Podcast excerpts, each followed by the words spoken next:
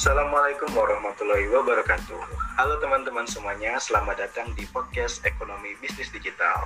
Di sini kita akan membahas semua semua hal yang menarik pada ekonomi bisnis digital dan tema pada wawancara kali ini adalah potensi ekonomi digital di Indonesia dengan saya Rafael Bayosadi dan juga rekan saya Asri Asma Usani. Nah, di sini kami tidak cuma berdua saja, kami kedatangan tamu yang sangat istimewa adalah Kang Slamet Fauzi. Halo Kang Fauzi. Halo, apa kabar Kang? Alhamdulillah baik. Uh, kan kita temanya tentang potensi ekonomi digital di Indonesia. Nah, menurut Akang, uh, apa sih gitu ekonomi digital? Bicara ekonomi digital, ya menurut pengetahuanku ya, walaupun aku backgroundnya bukan anak ekonomi, bukan anak bisnis, ya tapi aku juga terjun di dunia digital ekonomi. Aku juga uh, di itu Neon Education. Nah itu kan juga salah satu platform sebagai digital ekonomi. Uh, itu adalah startup di bidang pendidikan gitu yang mulai tahun 2017 kayaknya aku buat itu. Nah itu juga salah satu dari pengembangan digital ekonomi jadi ya digital ekonomi ekonomi itu kalau simpelnya itu adalah uh, gampangnya ya kegiatan untuk menghasilkan ekonomi melalui bantuan teknologi informasi gitu loh atau yang dikenal dengan teknologi komputasi. Nah contohnya apa? Uh, banyak sekali sekarang ini di Indonesia seperti marketplace yang juga perkembangannya cukup pesat kan di Indonesia ini bahkan kalau di Asia Tenggara ya startup Indonesia itu nomor satu kalau di Asia Tenggara. Kalau di dunia sih nomor tiga kayaknya nomor tiga. Kalah hanya dengan US dan India. Nah seperti itu. Nah setidaknya yang mempengaruhi digital ekonomi itu ada lima teknologi kalau menurutku. Nah itu uh, apa saja itu ada mobile internet. Ya seperti yang kita pakai saat ini ataupun uh, biasanya teman-teman uh, pakai sehari-harinya itu mobile internet biasa berada di sekitar kita gitu. Kemudian yang kedua ada uh, big data. Udah rame ya sekarang big data itu. Bahkan pemerintah juga uh, menggaungkan itu big data. Pemanfaatnya ini untuk menyimpan suatu arsip yang bisa berkelanjutan gitu loh. Uh, buat menyimpan informasi yang sebanyak mungkin tanpa harus apa ya tanpa harus takut nanti itu hilang atau gimana gitu. Terus kemudian internet of things gitu juga mempengaruhi sekali di digital ekonomi uh, seperti sekarang startup yang berbasis AI kan banyak ya. Kayak uh, lupa gue. Ada anak UGM itu buat namanya Banu Nah dia tuh memanfaatkan teknologi untuk menstimulasi nafsu ikan gitu loh melalui AI. Nah itu salah satu contoh penerapannya. Kemudian otomasi, otomasi of knowledge. Jadi dibilang itu otomasi atau uh, mesin learning dan otomasi itu sekarang juga uh, semakin pesat gitu dan itu juga salah satu hal yang mempengaruhi digital ekonomi jadi seperti itu. Mengenai potensi sih menurutku sangat besar sekali di Indonesia ini ya. apalagi kalau teman-teman baca data dari kayak uh, penyedia uh, paketan atau pengguna pengguna internet di Indonesia itu sekarang kan kurang lebih berapa ya? 52 persen. Bahkan satu orang ada yang memiliki dua HP lebih atau bahkan dua kartu yang dua-duanya juga dipakai sebagai internet. Nah, uh, data dari We Are Social, We, We Are Social juga menyebutkan sih bahwa Indonesia ini memiliki potensi yang sangat besar sekali dengan pengguna internet yang hampir lebih dari separuh penduduk dan bahkan uh, satu orang tidak hanya memiliki satu HP, banyak juga yang tidak memiliki satu HP dan itu bisa menjadi potensi. Nah, pemerintah sendiri juga memprediksikan kan bahwa di tahun 2020 kemarin itu transaksi e-commerce yang juga hasil dari uh, pengembangan atau development of digital economy itu mencapai 130 juta US dollar. Bayangkan angka segitu itu lumayan besar kalau uh, di negara berkembang gitu loh. Dan Indonesia juga masih menuju ke negara maju kan. Nah itu uh, sangat besar sekali. Kemudian Indonesia juga salah satu negara yang jumlah startup berbasis digital ekonomi yang di apa ya yang dipelopori oleh anak-anak muda itu juga nomor satu di Asia Tenggara. Nah ini makanya kenapa ada sebuah survei dari mana uh, aku lupa dia tuh menyebutkan bahwa Indonesia itu nanti di 2000 30 bakal jadi uh, negara dengan kekuatan ekonomi terbesar nomor 5 di dunia karena potensi digital ekonomi yang semakin hari semakin uh, meningkat gitu di Indonesia, di Indonesia. Kalau dibandingkan dengan negara-negara Asia Tenggara itu jauh sekali uh, sebenarnya. Cuman apa ya? Yang beneran uh, tracknya bagus itu di Indonesia masih sedikit gitu startupnya yang lainnya masih dalam uh, dalam apa ya dalam hal mencari jalan lah istilahnya gitu tapi ini tidak menutup kemungkinan bahwa suatu uh, hari nanti di, entah itu nanti di 2025 entah 2020 30 uh, pasti itu akan mengalami peningkatan yang sangat besar gitu. Jadi ya peluangnya sangat besar sekali kalau menurut begitu. Berdasarkan hasil-hasil survei yang sudah ada. Seperti itu. Wow. Banyak sekali ya Kang potensi uh, ekonomi digital itu ya uh, ini menurut Akang gitu apa sih gitu dampak si ekonomi digital di suatu negara termasuk kan negara Indonesia Kang? Dampaknya ya wah cukup cukup banyak sih ya.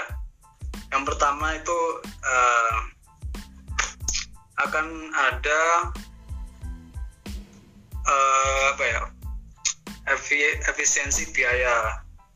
Nah melalui penggunaan digital ekonomi kita yang semestinya misalkan nih saya punya barang. Harus uh, dikirim ke sana gitu. Kita kita nggak punya uh, link. Sebelumnya nggak punya kayak aplikasi gitu untuk transaksi antara jarak jauh. Dan kita harus uh, apa ya istilahnya harus kita ke sana dulu. Terus kemudian untuk memastikan transaksi itu jadi atau enggak. Tapi karena ada digital ekonomi dan semua apa eh, hal-hal uh, yang mendukung adanya digital ekonomi kayak machine learning, kemudian internet of things dan lain sebagainya, ya maka biaya pengeluaran itu bisa dipotong gitu loh. Dan pendapatan bisa meningkat dengan usaha istilahnya nggak capek-capek banget gitu. Pendapatan bruto atau GDP uh, negara juga akan meningkat kan seiring dengan begitu banyaknya eh, hal-hal uh, yang melibatkan tentang melibatkan uh, digital ekonomi. Jadi seperti itu. Negara pun juga akan mendapatkan imbasnya.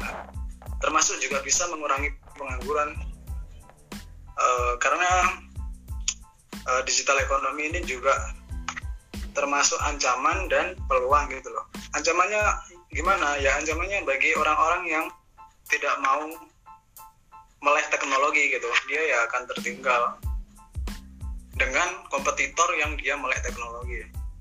Dan itu adalah uh, apa ya? Udah jadi hukum alam.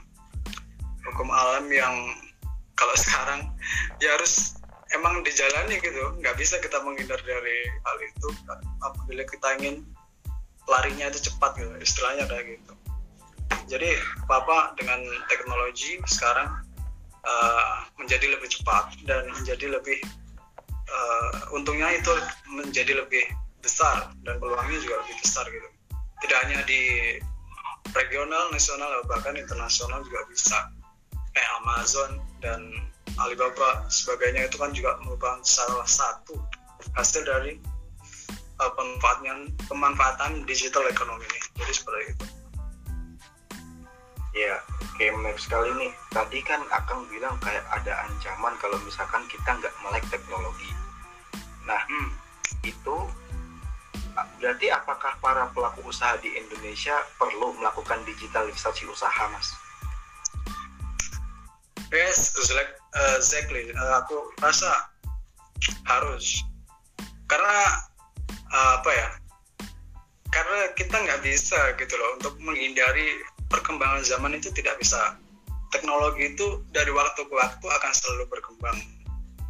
Ya jika kita tidak mengikuti ya uh, left behind gitu nggak bakalan ketinggalan nah uh, untuk menanggulangi bagaimana sih eh, orang-orang yang mungkin terkena imbas dari digital ekonomi karena mereka tidak bisa mengikuti perkembangan uh, zaman dan perkembangan teknologi mungkin pemerintah harus sigap dalam hal ini misalkan dia harus menetapkan regulasi dan kebijakan untuk percepatan ekonomi digital. Uh, misalkan uh, uh, dia harus memiliki kayak guidance gitu atau penyuluh ke pelaku-pelaku ekonomi agar dia itu bisa uh, melek teknologi gitu. Istilahnya bisa mengikuti perkembangan zaman. Terutama untuk uh, menjalankan bisnisnya. Dan uh, tidak lupa untuk memberikan kayak pelatihan gitu kan. Karena di dalam digital ekonomi salah satu hal yang dicari adalah inovasi gitu pak menurutku. Kalau barang antara A dan B yang A ada inovasi yang B gak ada inovasi kemungkinan akan laku besar yang A gitu loh jadi menurutku langkah pemerintah harus itu mengatasi kesenjangan uh, dari yang terkena dampak digital ekonomi karena dia tidak mampu untuk mengikuti perkembangan itu tadi. Jadi seperti itu. Oke Kang, uh, kan tadi Popang menjelaskan tentang uh,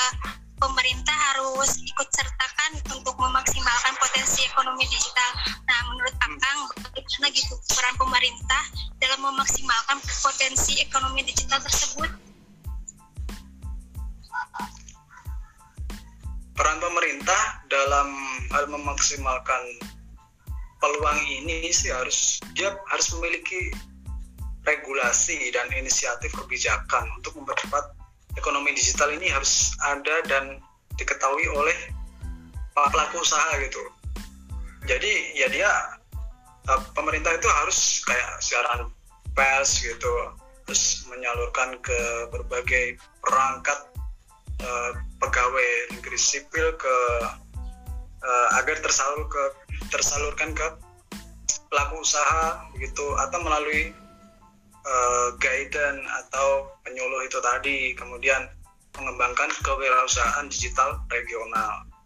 Nah, regional itu fungsinya kenapa? Buat apa? Ya biar ada hal-hal yang unik di setiap daerah gitu loh oh, pasti pastinya di setiap daerah kan memiliki keunggulan masing-masing dan itu juga uh, aku rasa harus dibuat seperti itu. Kebersamaan digital uh, regional. Kemudian yang tidak kalah penting pemerintah juga harus ikut serta dalam mengembangkan kapasitas SDM gitu. Karena SDM adalah hal yang paling utama kalau menurutku.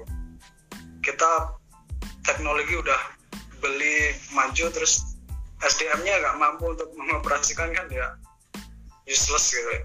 Uh, percuma itu kemudian uh, yang tak kalah pentingnya juga untuk membuat kerjasama gitu antara pemerintah dengan pihak pelaku usaha gitu. Kan sekarang juga udah banyak kan ya pemerintah ikut serta dalam membantu pelaku-pelaku UKM gitu. Nah, sekarang juga sudah mulai dilaksanakan gitu seperti bantuan dan sebagainya dan yang terpenting kalau menurutku itu sih pelatihan kepada pelaku UMKM untuk bisa uh, akses teknologi atau bahkan dia membuat suatu uh, platform misalkan dia membuat uh, startup gitu yang membuat aplikasi lah yang bisa memudahkan antara si konsumen dengan dia sebagai produsen. Kemudian yang terakhir adalah inovasi gitu. Jadi uh, pemerintah harus memberikan apa ya? Memberikan uh, tuntunan istilahnya tuntunan kepada pelaku-pelaku UKM terutama yang dia memang sulit berkembang dan diajari oleh oleh pemerintah ini petugas-petugasnya cara, cara bagaimana dia berinovasi gitu dan yang tak kalah lo dan yang terakhir adalah distribusi internet yang merata. Karena tanpa internet yang kita tidak bisa menggunakan uh, digital ekonomi ini memanfaatkan digital ekonomi ini tanpa internet kan nggak bisa. Jadi itu hal-hal yang menurutku memang harus di, uh, harus diberikan oleh pemerintah gitu. Jadi seperti itu. Wah iya wah nggak terasa kita sudah ada di ujung ujung akhir dari sesi podcast ini mas nah uh, tapi saya mau oh. tanya mau tanya satu hal lagi aja mas uh, harapan okay. apa harapan apa sih mas yang pengen buat digitalisasi ekonomi yang ada di Indonesia ini mas buat ekonomi digital di Indonesia? Oh, kalau harapanku ke dunia digital ekonomi di Indonesia dan juga sebagai pelaku uh, di bidang tersebut ya saya berharap ekonomi digital di Indonesia ini bisa menjadi pusat ekonomi terbesar. Nantinya ya seperti yang diprediksi oleh lembaga lembaga survei seperti WA Society dan sebagainya itu.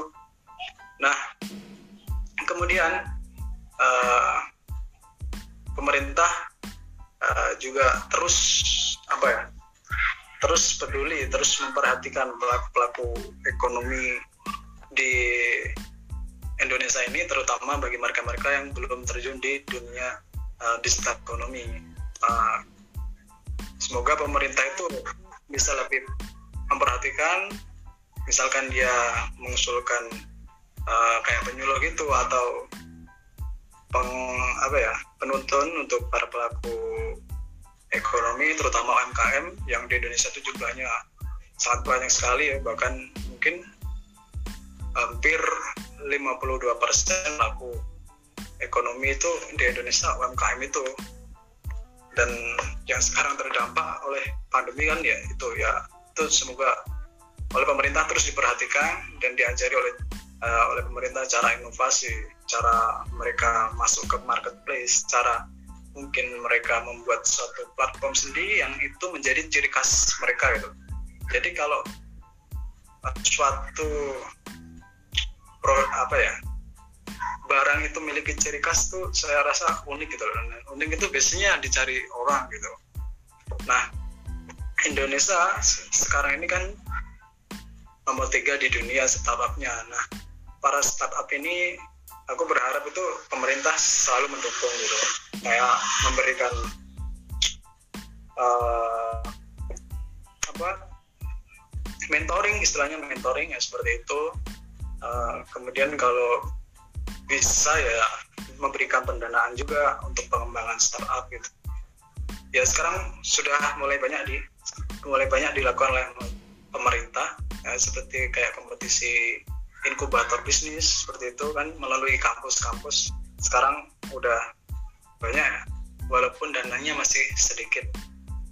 Misalkan kita punya ide yang high gitu uh, belum bisa di, di apa ya diwujudkan dengan biaya yang hanya seperti itu hanya sedikit seperti yang disebarkan di kampus itu kan hanya ya sekitar 10 sampai 20 juta aja. Kalau startup startupnya berbasis teknologi biasanya ya lebih dari itu ya.